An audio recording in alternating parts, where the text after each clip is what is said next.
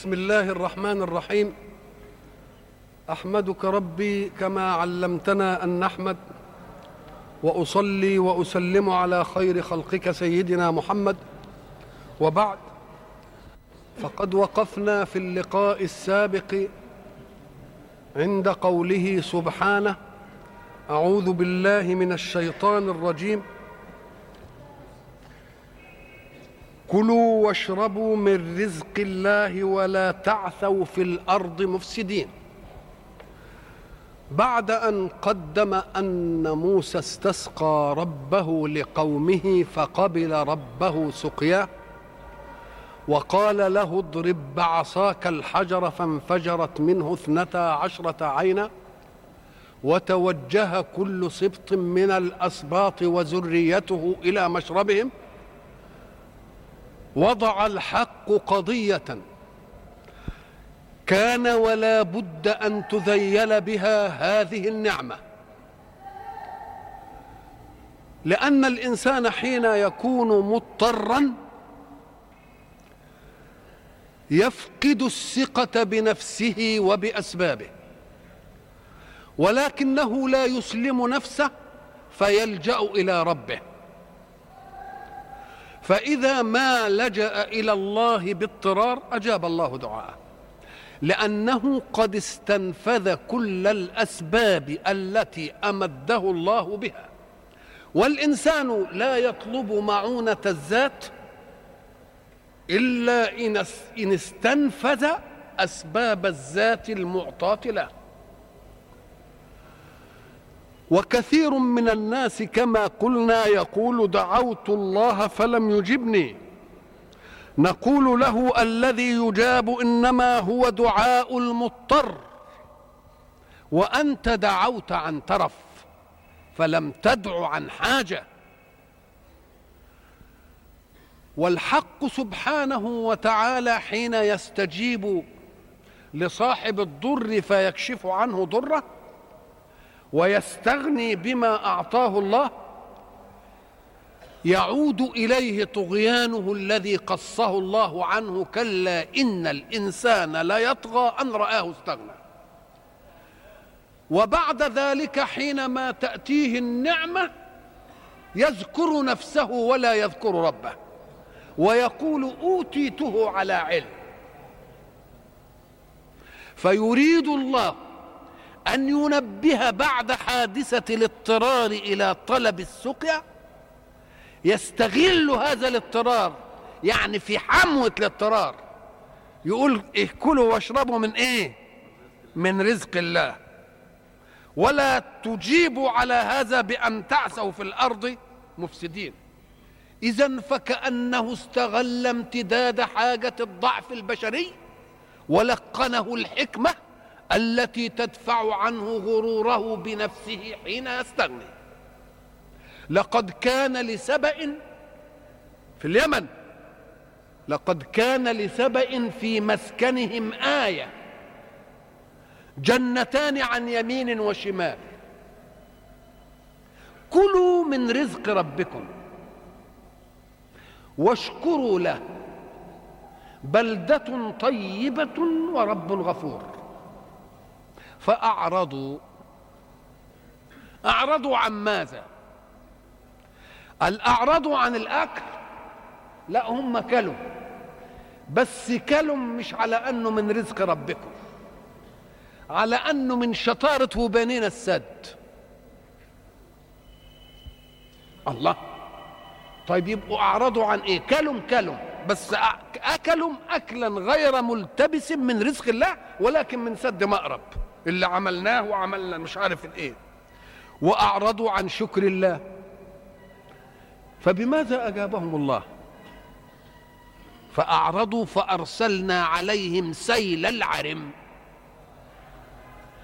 اللي كانوا بيعتزوا بيه إنه حاجة المية وعمالين يرووا ويعملوا زي ما هم عايزين ويجي لهم الخير جات لهم النكبة من إيه؟ منه نفسه. أرسلنا عليهم إيه؟ سيل العرم وبدلناهم بجنتين جنتين ذواتي أكل خمط وأسل وشيء من سدر قليل. ذلك جزيناهم بما كفروا. وهل نجازي إلا الكفور؟ اذا فيجب أن يحتاط الإنسان لنفسه حين تواتيه الأسباب. ويقول الله وإذا مس الإنسان ضر دعانا لإيه؟ لجنبه أو قاعدا أو قائما فلما كشفنا عنه ضره مر كأن لم يدعنا إلى ضر مسه. مش كده؟ وفي آية تانية برضه يقول وجعل لله أندادا ليضل عن سبيله. يقول لك لا أصلا احتطت للمسألة وأصلا اتجدعنت وأصلا عملت وينسى الإيه؟ ينسى الأصلية خالص. فربنا جه استغلهم وقت الحاجة كما تستغل الحاجة في من يطلب منك شيئا ثم تنصحه وقت حاجته. لأن وقت حاجته ما عندوش غرور الاستعلاء ولا تكبر الطرح. يقوم يمكن إيه؟ يستمع. فربنا لما سقاهم قال بقى كلوا واشربوا بس من رزق إيه؟ من رزق الله. إياكم أن تقولوا ده من عندنا. ده حتى جالكم عن غير بالك لو جه مطر يمكن قالوا ده صدفة. والمطر نزل لأن المطر ينزل عادة. مش كده ولا لا؟ أما جبالهم من حجر. عشان يبقى ما فيش كلام يعني إيه؟ ما فيش احتيال للطغيان. ولا تعثوا في الأرض مفسدين. تعثوا في الأرض مفسدين؟ آه عسى يعني أفسد وفساد فساد شنيع. طيب لا تعثوا في الأرض مفسدين. القد ده جاي ليه؟ طب ما هو ما دام يعثوا يبقى م... يبقى فساد ولا لا؟ قال لك لا. لأن هناك أمور قد تجري وفي ظاهرها الفساد. هي فساد في الظاهر إنما نظرا لما يكون من ورائها من الإصلاح يبقى هو عسى صحيح في ظاهر الأمر أنه إيه؟ ولكنه لم يكن مفسدا بل كان إيه؟ مصلحا. افرض ان واحد ما يعرفش الولد ده صبعه إيه جريله إيه في غرغرينة في حاجة وبعد ذلك شاف واحد جاي كده وما يعرفش ده ان ده كتور وجايب مشرط وعمل بيقطع صبعه. الولد بحكم غررته مش عارف إيه يقول هذا عسى ولا لأ؟ آه صحيح عسى لأنه جه على صابع وقطعه من حيث الظاهر إن ده إفساد. إنما هو إيه عمله إيه؟ إصلاح لأن بدل ما يقطع الإيد كلها وقطع الإيد بدل ما يقطع الجسم كله ما يضيع. آه يبقى اذا فيه أمر يخرج على قانون الصلاح العام. بأن يكون إفساد في قانون الصلاح العام. ولكن اللي عندهم خبرة ودراية أعلى يقول لك ده أنا صحيح على قانون الصلاح العام يبقى في إفساد. إنما في الواقع هو إيه؟ هو هو إصلاح. ده كلام أول مثلا خرق السفينة اللي قلنا عنه زمان.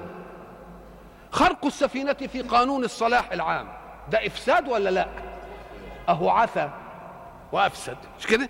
هي كلمة عثى زي ضرب تمام. عثى يعسي وعثي يعسى عصيا. وعثى يعسو عسوا كلها إفساد إفساد شنيع.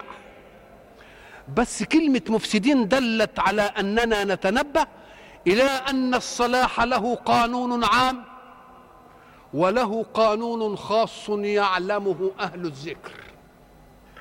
مثلا أنت جيت كده وأنت ماشي لقيت مثلا شرطة أو ناس عمالين بيخلوا ناس من السكن بتاعهم ومطلعين عفشهم بره وبيطلعهم بره أنت ساعة ما تروح لقانون الصلاح العام بالعقلية العامة تقول أعوذ بالله. إيه الوحشية دي؟ أمال يروحوا فين؟ أمال يعملوا إيه؟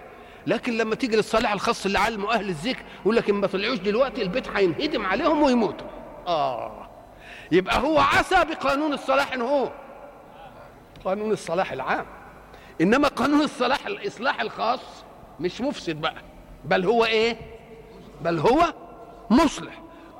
قلنا إن السفينة دي سفينة صالحة وكويسة وماشية في أمان الله ولمساكين يعملون في البحر. مش كده؟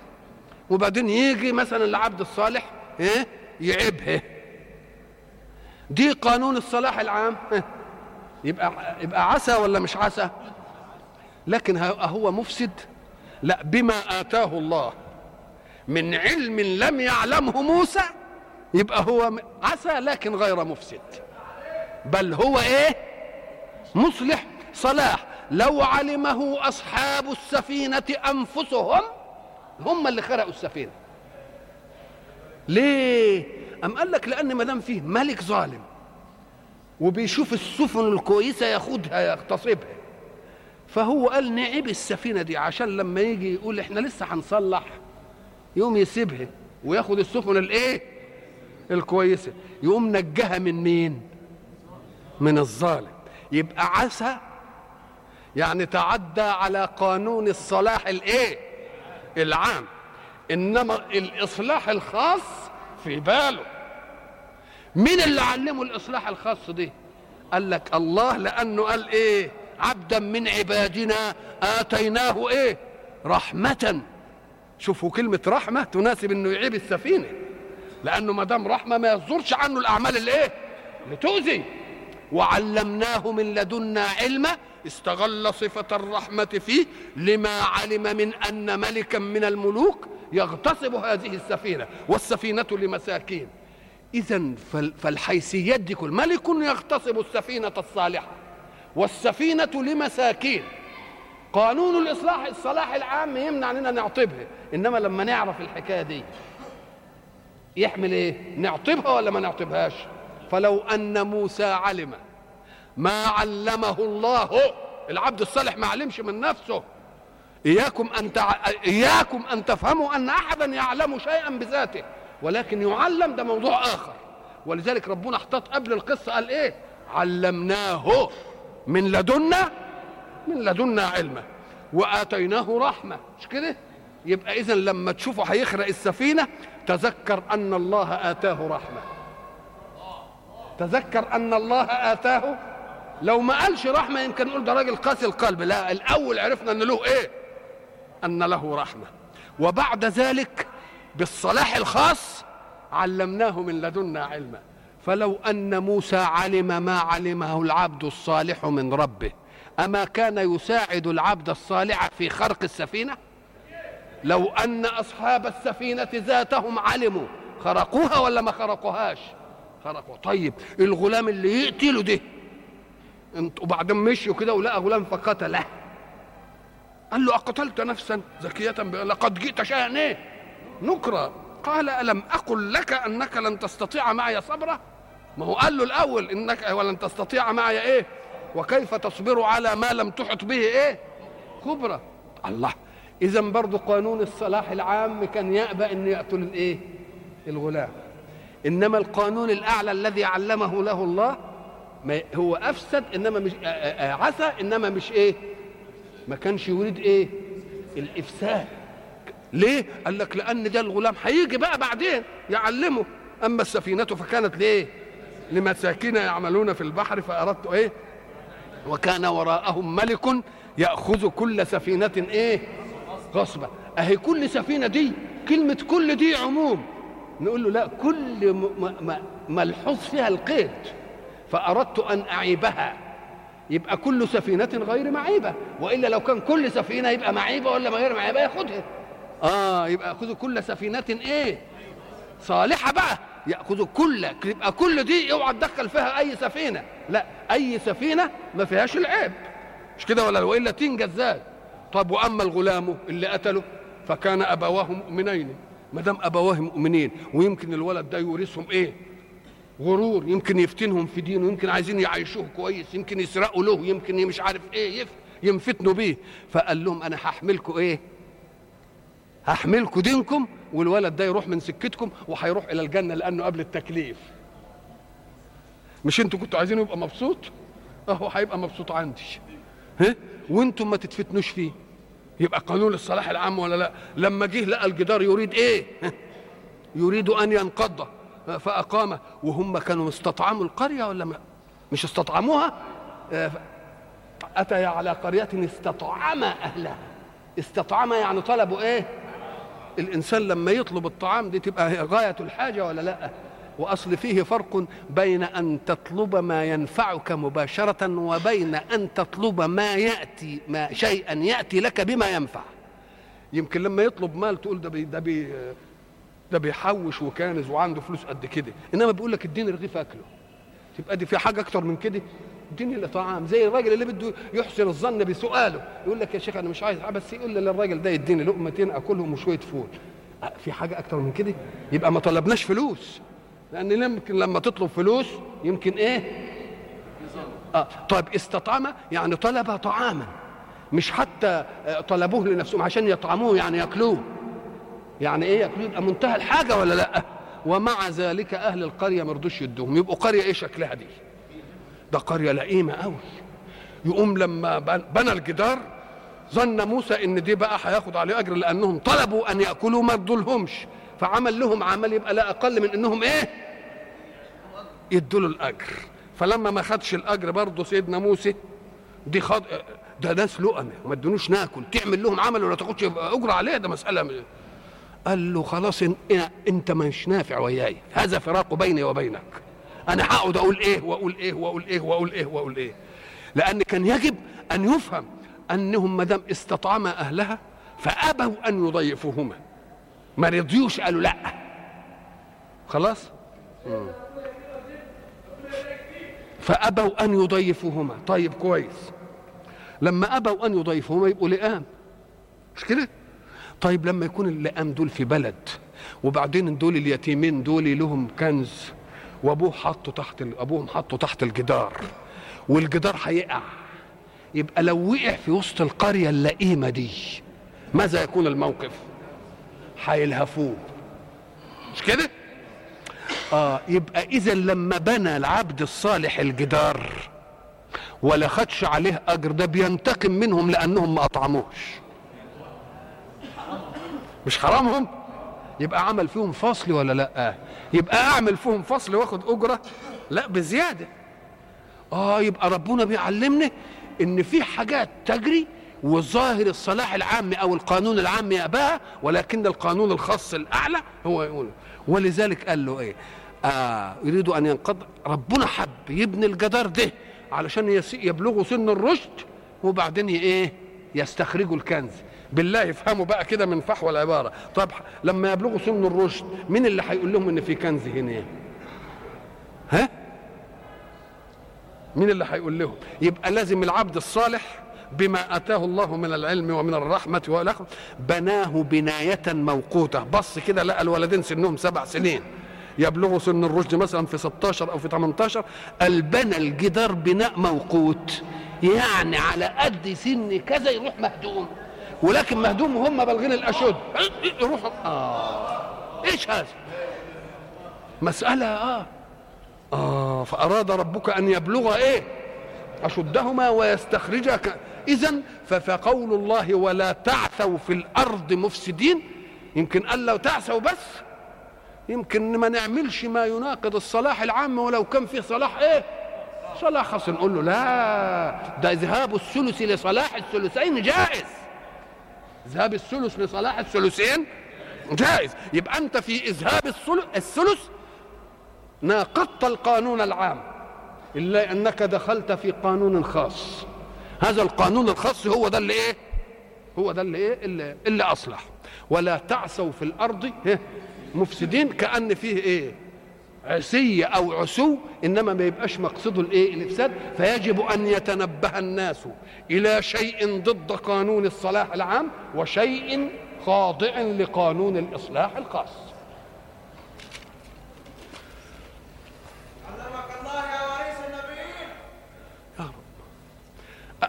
هنا نجد أيضا إذ وإذ قلتم يا موسى لن نصبر على طعام واحد. فادع لنا ربك يخرج لنا مما تنبت الأرض من بقلها وقثائها وفومها وعدسها وبصلها. لن نصبر على طعام واحد يمكن كنا تعرضنا في الحلقة اللي فاتت إلى كلمة طعام واحد مع أن هم كانوا بياكلوا المن والسلو. إنما المن والسلو بقى متكرر ولا لأ؟ فيبقى ما دام رتابة الطعام يبقى هو طعام واحد وإن كان مكون من إيه؟ من عدة إيه؟ من عدة إيه؟ ألوان. يبقى اذا لما تسمع كلمة واحد يعني لازم تمزجهم على أنهم طعام لأنهم بيأكلوه. يا مع بعضه يا بيعجنوه ده في إيده يا بيغمسوه ده بايده يعني بيعملوه طعام إيه؟ طعام واحد. ده كلام على الأول. كلمة واحد. الواحد دي إحنا عرفنا إنها أول العدد. طعام واحد. أول الإيه؟ فإذا انضم إليه مثله يصير إيه؟ اثنين. فإذا انضم إليه مثل يبقى إيه؟ الله. يبقى أصل العدد إيه كله؟ إما مفردا أو مضموما إلى شيء. مش كده؟ ده اسمه إيه؟ العدد. ولذلك لما جه يعرفوا العدد قال لك واحد دي صحيح هي هي أصل العدد. منه يتكون الإيه؟ العدد. وبعد ذلك لما تيجي لنفس العدد بقى غير واحد تقوم تجده يقول لك تعريفه نصف مجموع حاشيتيه المتساويتين. نصف مجموع حاشيتيه المتساويتين. يعني إيه حاشيتين متساويتين؟ افرض إن واحد قاعد في الوسط أهو. وعن يمينه واحد وعن يساره إيه؟ دي اسمها الحاشية الأولى. ما تجيبش اللي على يمينه واحد وتجيب اللي على يساره اثنين مش متساويين دول. يبقى ان خدت الثاني من هنا خد الثاني الثالث من هنا خد الثالث الرابع من هنا خد الرابع. يبقى اسمها حاشيته الايه؟ المتساويتين. يبقى لما يجي حاجة في الوسط كده وبعدين يجي عن يمينها حاجة وشمالها حاجة نقوم دول حاشيتين إيه؟ ما تجيبش الواحد من هنا قصاد الاثنين من هناك. لا هات الاثنين من هنا قصاد الايه؟ الاثنين من هناك. طيب الواحد ده نصف مجموع حاشيتيه المتساويتين. طيب وكلمة واحد بقى. اللي قبله من الناحية دي إيه؟ ابدا. صفر. لا شيء. مش كده ولا لا؟ طب واللي بعده إيه؟ اتنين. نصفهم كام؟ واحد. طب خمسة.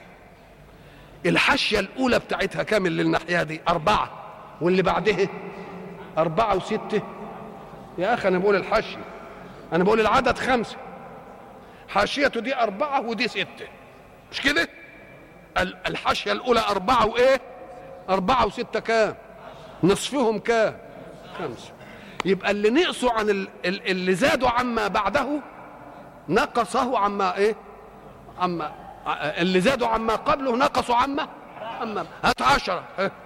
حاشيتها القريبتين إيه؟ تسعة وحداشر نصهم كام؟ الله هي هي. طيب هات الحاشية الثانية. الحاشية الأولى تسعة الحاشية اللي الناحية الثانية كام؟ ثمانية. والحاشية الثانية من الناحية الثانية كام؟ 12 يا أخي. 8 يبقى 12 8 و12 كام؟ نصفهم كام؟ 10 هات الحاشية البعيدة قوي واحد. والحاشية الأخيرة 19 اجمعهم على بعض. نبقى نصهم كام برضه 10 هات أي حاشية واجمعها يطلع نصفهم كلمة واحد ده بقى أصل الإيه؟ أصل العدد. نقول له وهو عدد أيضا. لأنه هو نصف مجموع حاشيتين. الواحد ده يدل على وحدة الفرد. إنما قد يكون مجزأ. قد يكون إيه؟ مجزأ. ولذلك قلنا الله واحد مش بس واحد وأحد. واحد وإيه؟ وأحد. إيه واحد وأحد؟ واحد يعني ما فيش واحد تاني زيه. إنما أحد أي لا أجزاء له. يبقى أحد ورد على إيه؟ إن ملوش أجزاء. ما أنت واحد. مش كده؟ إنما ما أنتش أحد. مش كده ولا لا؟ أنت ليك أجزاء. مش كده؟ ولكن أيضا أنت ما أنتش واحد لأن فيه ناس كتير زيك. يبقى أنت لا واحد ولا إيه؟ ولا احد مفهوم ولا لا؟ لكن الشمس واحد. مش كده؟ إنما مكونة من أشياء تبقى ما هيش أحد. مش كده ولا لا؟ آه يبقى اذا ربنا واحد. يعني إيه؟ ما فيش فرد تاني زيه وأحد مش مكون من أجزاء. مش مكون من أجزاء. ولذلك بايه واحد. من أسمائه الواحد والاحد ما تقولش إن دي مكررات. قول له لا دي تنفي الفرديه ودي تنفي الإيه؟ تنفي التجزئة. لن نصبر على طعام إيه واحد مع أنه مكون من المن هو واحد لأنه رتيب. إنما مش أحد لأنه مكون من إيه؟ من أجزاء. ده كلام على الأول. دي حاجة بتجيلهم سماوية. رزق إيه؟ إنما من التعنت. يقول لك لا طب ومن يدرينا إن المن ما ينزلش؟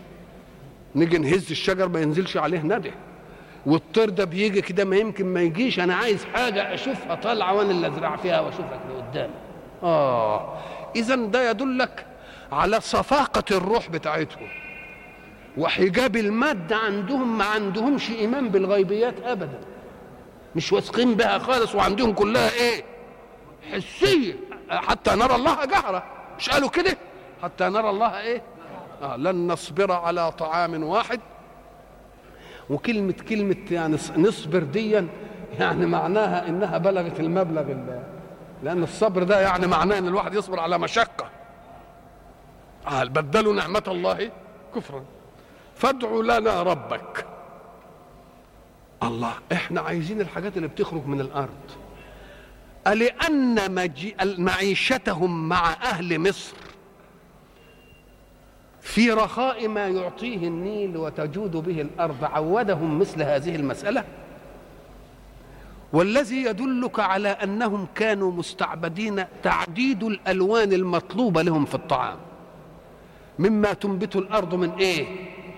من بقلها وقسائها وفومها وعدسها وبصلها. الفوم يعني تقولها الحنطة تقولها مثلا الخبز يا تقول التوم. الله كلها الأنواع إيه؟ أنواع بتاعة اللي بياكلها اللي هم في الصف مما يدل على أنهم كانوا إيه؟ مستعبدين. ومع ذلك حلت لهم عيشة العبودية. حلت لهم عيشة العبودية. وربنا عايز يرقيهم ويمتعهم ويجيب لهم مش عارف إيه. ومع ذلك هم يقول لك إيه؟ طلعوها القصر زي ما بيقولوا في المثل الريفي. طلعوها القصر تتعلق قالت ست قرقوشة. مش قالت كده؟ آه. قالوا إيه؟ ادعوا لنا ربك يقول مما تنبت الأرض. ادعوا لنا ربك يخرج لنا. هم طلب منهم ادعوا ادعوا. مش كان هو يقول طيب الآية تقول فدعا الله. مش كده فاستجاب؟ إنما قال يخرج. كأنهم يعني مسألة ضربة لازم. ادعوا لنا ربك إيه؟ معنى ندعو يعني إيه؟ اطلب من الله. الدعاء لون من الأمر لون من الطلب. بس عادة الأمر يكون من الأعلى للأدنى. إنما حين تقول له للرجل اللي له مكانة اعطني كذا لا يقال أنك تأمره. ولكن يقال أنك إيه؟ تدعوه. فساعة ما يتوجه طلب من الله أعطني يا رب. يبقى أنت ما بتأمرش ربنا أن يعطيك. إنما اسمه إيه؟ دعاء. لأن الدعاء مفروض فيه زلة الداعي أمام عزة المدعو. ولذلك يقال إذا كان الطلب من أدنى لأعلى يبقى دعاء. وإذا كان من مساو يبقى التماس التمس. وإذا كان من دون يبقى أمر. يبقى يبقى أنواع الطلب كام؟ ثلاثة. إن كنت تطلب من أعلى يبقى ده اسمه إيه؟ دعاء. إن كان من مساوي يبقى التماس. إن كان لأدنى يبقى ده هو الإيه؟ هو ده الأمر. ادعوا لنا ربك. كانوا مؤدبين في الحكاية دي. يعني كويس اللي يعني ما قالوا زي هل يستطيع ربك. مش كده ولا لا؟ آه. ادعوا لنا ربك يخرج لنا مما تنبت الأرض. من بقلها. البقل ده ما تفتكروش إن هو البقول. البقل كل نبات لا ساق له من الأرض. ملوش ساق. زي مثلا الخاصة زي الفجلة زي الكراتة زي الجرجيرة زي الكرفس زي الحاجات اللي هي ملهاش إيه؟ آه. من بقلها وقسائها القتة بتاعتنا دي اللي هي صنف من الخيار ده. وقسائها وفومها قلنا إيه؟ بعضهم قال إن هو الحنطة آه وبعضهم قال إن هو الثوم الموافق للبصل. ما دام طلبوا البصل يبقى ما فيش مانع بقى إن يبقى دي الثوم يبقى يجي بقى. آه. وفومها وعدسها إيه؟ وبصلها. قبل أن يجيبهم قرعهم قال أتستبدلون الذي هو أدنى بالذي هو خير؟ أتستبدلون الذي هو أدنى بالذي هو خير؟ ساعة إذا سمعت كلمة استبدال فاعلم أن الباء تدخل على المتروك. الباء إيه؟ المتروك اشتريت الثوب بدرهم. يبقى اللي ترك إيه؟ الدرهم. أتستبدلون الذي هو أدنى؟ تاخذوا الأدنى وتتركوا الخير؟ ما هو الخير المن والسلوى. يبقى الباء بتدخل على مين؟ على المتروك. أتستبدلون الذي هو أدنى؟ يعني أمر إيه؟ أدنى يعني قريب أمر هين بالذي هو خير. خدها مقابل خير. أو من الدناءة. ما نقدرش نقول دناءة لأنها نعمة من نعم الإيه؟ نعمة من نعم الله. يبقى من الدون والقريب مسألة سهلة دي. ليه؟ لأن قانون السببية فيها واضح. يعني الدنو إليك لأنك معطى أسباب إنما أنت ما أعطيتش أسباب إن ينزل ندى على الشجر ويكون المن. ولا أعطيتش قوة إنك أنت تأمر الطير تعمل أسراب طير السماني ويقعد يجي لك مش كده ولا لا؟ أنت الطير اللي بيجي لك ده له مواسم ولا لا؟ انت بتتحكم فيه ام قال دي ادنى اليكم يعني اقرب اليكم لانكم تقدروا تبشروه؟ انما دي جاي منين؟ من الله. دي باسباب عالية. أتستبدلون الذي هو إيه؟ هو أدنى يعني الذي يخضع لأسبابكم ومتناولكم عن الذي هو خير لأنه من عطاء الله المباشر. كله من عطاء الله صحيح. إنما ده العطاء المباشر لأن مالكش فيه صنعة. مالكش فيه صنعة. لما في الأرض أنت بتزرع وتقلع وتروي آه. أتستبدلون الذي هو أدنى بالذي هو خير؟ لم يقل ما بماذا أجابوا؟ والذي يدل على أنهم لم يقبلوا ذلك ولم يوجهوا بهذا التقريع قال لهم اهبطوا مصر بقى. ما هو لا يقال اهبطوا مصر بقى إلا إذا ما كانوش إيه؟ انصرفوا عن الطلب. يعني لو انصرفوا عن الطلب وقالوا لا ده صحيح. كيف نستبدل الذي هو أدنى بالذي هو إيه؟ هو خير ما كانش قال لهم اهبطوا مصر. معنى قول اهبطوا مصر؟ يبقى معناها انهم ما إيه؟ ما قبلوش واصروا على إيه؟ وأصر رغم تنبيههم إلى أن هذا أدنى. وذلك إيه؟ وذلك خير. اهبطوا مصر. هنا الآية جاءت بمصر منونة. اهبطوا مصرا. مصرا. ولكن كلمة مصر حين ترد في القرآن ومن ومن جلال شرفها إنها ذكرت في القرآن كده مصر كم مرة. هات لي كده بلد كده ذكرت هذا الذكر كده. اسم العلم ده الاسم المنغم الجميل ده. مش كده؟ ربنا قال للموسى وهارون إيه؟ روحوا مصر واجعلوا بيوتكم إيه؟ قبلة. آه وقال أليس لي ملك إيه؟ مصر وهذه الأنهار إيه؟ وقال الذي اشتراه آه وادخلوا مصر إن شاء الله. آمنين كل مصر ذكرت ذكرت بغير تنوين. مصر. يعني زي آه أنتوا عارفين الممنوع من الصرف. الصرف هو التنوين. يعني ما بتتنونش إلا هنا. اهبطوا مصرا. هل مصرا دي هي مصر اللي موجودة في الآيات الأخرى؟ يعني يجوا مصر زي ما كانوا موجودين أيام فرعون وبيسومهم. يعني رجعوا للحالة الإيه؟ الحاله الأم. طب أمال نونها ليه؟ طب ما كان يجيبها برضو غير منونة كما وردت في بقية الآيات غير منونة. قال لك ال- ال- الشيء الممنوع من الصرف دي للعالمية والتأنيث إذا كان لبقعة أو مكان مرة تلحظ إنه بقعة فيبقى مؤنث ومرة تلحظ إنه مكان يبقى مذكر فإن لاحظت إنه بقعة يبقى عالمية وتأنيث تمنعه من الصرف وإن لاحظت إنه مكان يبقى فيه إيه؟ عالمية ولا فيش فيه؟ تأنيث. خدت بالك وياه وقد تأتي بعض الألفاظ فيها عالمية وعجمة لكن ربنا صرفها في القرآن. كلمة نوح وكلمة لوط المذكورة في صن شمله صالح ونوح مش كده؟ وشعيب مش كده؟ ومحمد ولوط وهود كل الأسماء دي كان المفروض أن تمنع من الصرف. مش كده كويس إلا أنها صرفت لوطا نوحا منونة. قال لك عادة لما بيكون اسم وسطه ساكن والسكون خفيف فبينونوه ما يجراش حاجة. طيب يبقى اذا يبقى اذا من الممكن أن تكون مصر هي مصر التي وردت في الآيات الأخرى؟ ويبقى بيقول لهم عودوا إلى ما كنتم عليه أيام سامكم فرعون سوء الإيه؟ سوء العذاب.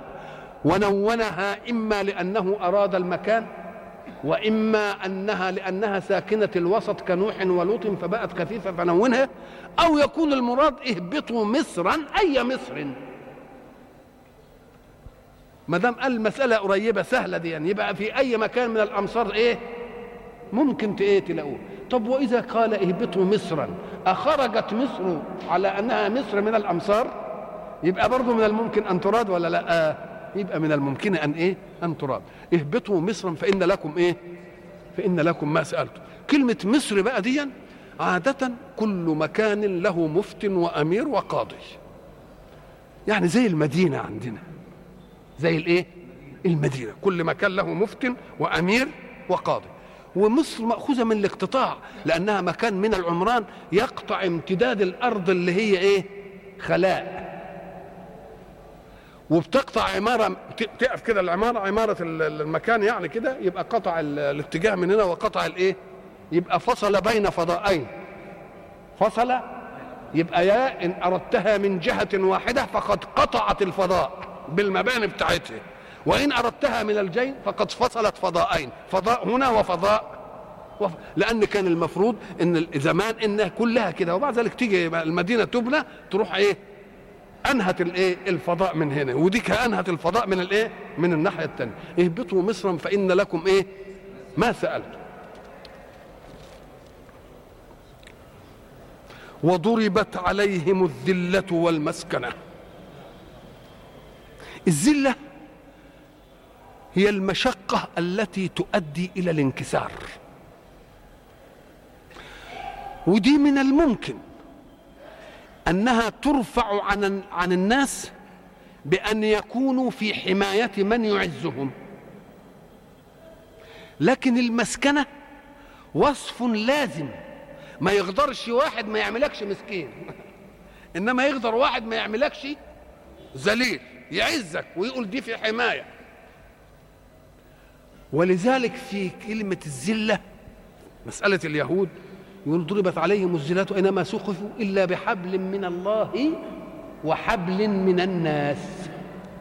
حبل من الله يعني إيه؟ يعني يبقوا أذلاء.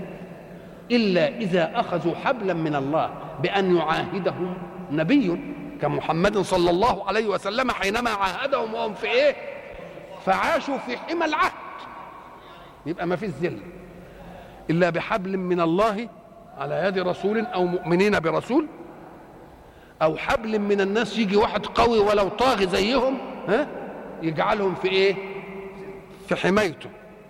ولذلك هم في أيام العهد المدني عهدهم مع سيدنا رسول الله كانوا كويسين قوي آه. ولما نيجي دلوقتي ونلاقي دول قوية عمالة بتساندهم يبقى هم عايشين في حبل الله ولا في حبل من الناس؟ في حبل من الناس. يبقى اذا هي الذلة ملازمة. ولذلك شوف كلمة إيه شو الدقه بقى. ضربت عليهم الذلة. ضربت عليهم الذله يعني إيه؟ أنت تعرف لما أقول لك النقد ده ضرب في مصر. لا طبع طبع إيه؟ ده ضرب علشان كده هو عشان يطلع البروز بتاعه ده. يبقى آه. شوف بقى لما يجيب المعدن ده ويخلي الكتابة بارزة والأرقام والمش عارف الإيه. شوف السكه دي تيجي شكلها إيه؟ ها؟ لازم سكه قوية. هي كلمة ضربة. زي أنت ما تيجي تختم ختم فضربت عليهم خيمة كده. آه. يعني ألزمتهم الذلة وألزمتهم كأنهم في خيمة ما يقدروش إيه لا يستطيعون أن يبارحوا الإيه الذلة. المسكنة بقى دي قد تكون في الذاتية وقد تكون في في ما تخلع على الهيئة من انكسار لغرض منها. وهم لما كانوا بيروحوا يدفعوا الجزية والجزية بتؤخذ على القادر كان كانوا يعملوا إنهم إيه مساكين ويلبسوا هدوم ما ما مش كده وبتاع علشان لما يجي يضربوا عليهم الجزية يضربوها إيه؟ يضربوها إيه؟ بسيطة. ففي ففي ففي الذله قال إيه؟ آه دول إلا بحبل من الله وحبل من الناس. لكن المسكنة ما قالش حبل من الله وحبل من إيه؟ لأنها أمر إيه؟ ذاتي. ما هوش أمر إيه؟ طارئ. الغير يحمله عنه. وضربت عليهم الإيه؟ الذلة والإيه؟ والمسكنة. وباءوا بغضب من الله. يقال باء بالغضب.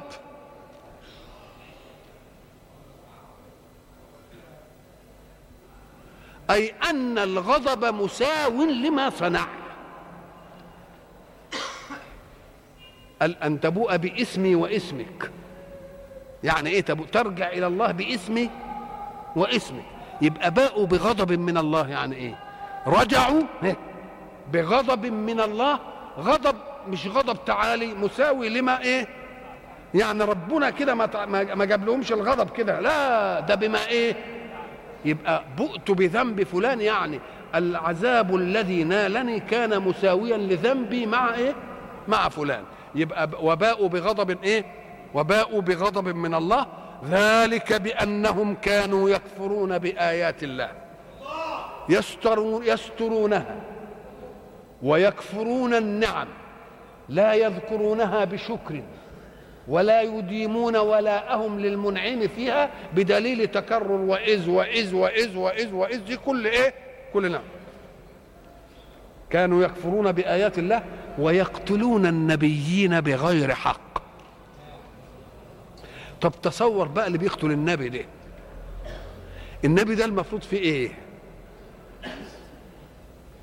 ده إنسان ربنا بعته أسوة سلوكية. صحيح ما بيجيش بمنهج جديد. يكون منهج كل نبي هو منهج الرسول الذي سبقه أو الرسول الذي عصره ولكنه يكون إيه؟ منهج سلوكي. لما يعز السلوك على المنهج يقوم ربنا يبعت أنبياء يعصمهم من الخطيئة علشان يكون نموذج إيه؟ ليه؟ قال لك لأن النماذج السلوكية في الكون تقرب حمل حمل الناس نفوسهم على المنهج. لأنك لما تشوف واحد بشر زيك ومستقيم ومنفذ تقوم تقول إيه اذا من الممكن إن أنا أبقى كده. ادي إيه السلوك؟ ولذلك لقد كان لكم في رسول الله إيه؟ أسوة حسنة. لأنه إيه بشر؟ مش كده ولا لا؟ وملزم نفسه بالمنهج وحواليه مثلا صحابة بشر وألزموا نفسهم بإيه؟ بالمنهج. اذا لما الناس تشوفهم يقول لك اذا المنهج ليس بالعسير أن ألتزم به. لكن لو ما كانش فيه نماذج سلوكية. تقول لا ده صعب على النفس. هو حد يقدر يطيق الكلام دي؟ آه. يبقى اذا الأنبياء جايين نماذج سلوكية ليسهلوا على الناس التزامهم بالمنهج بدليل أن اناسا مساوين لهم في البشرية استطاعوا أن يحملوا نفوسهم على منهج الله. ومن عادة الإنسان أنه إذا رأى مساويا له صنع شيئا يقول الله طب ما دام هو صنعه أنا ليه ما اصنعوش آه على طول يقلده. طب دول يجوا يقتلوا النبيين اللي هو نماذج أسوة ليه بيقتلوهم؟ لأن دي بيفضح الفاسق.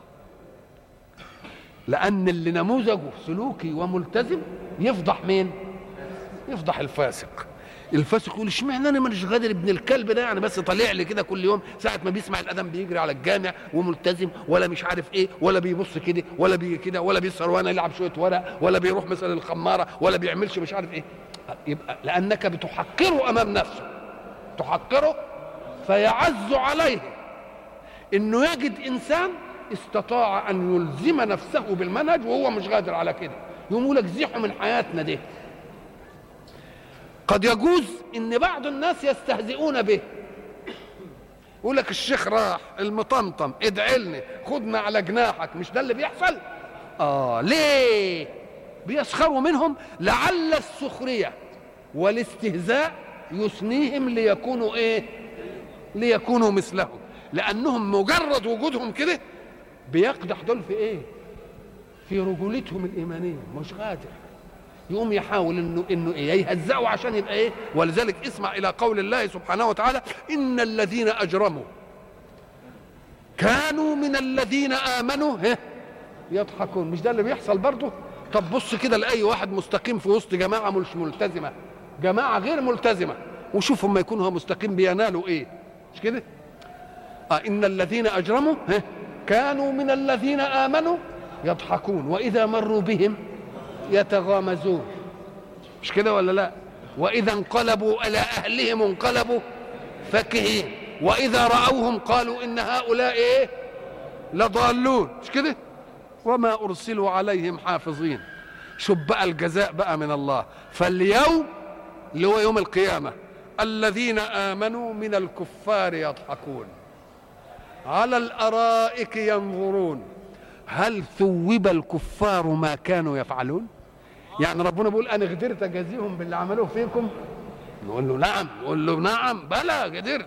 هل اذا فقول الحق سبحانه وتعالى يقتلون النبيين أي لأن الأنبياء بعثهم الله أسوة سلوكية ليخففوا عن النفوس البشرية مؤونة التزامهم لمنهج الله. وهؤلاء لا يحبون من يهيج فيهم هذه المسألة ولا من يكون نموذجا للاستقامة بل يحبون أن يكون الكل منحرفا. أسأل الله سبحانه وتعالى أن يجمعني بكم في لقاء آخر. نتم ما بدأنا والسلام عليكم ورحمة الله.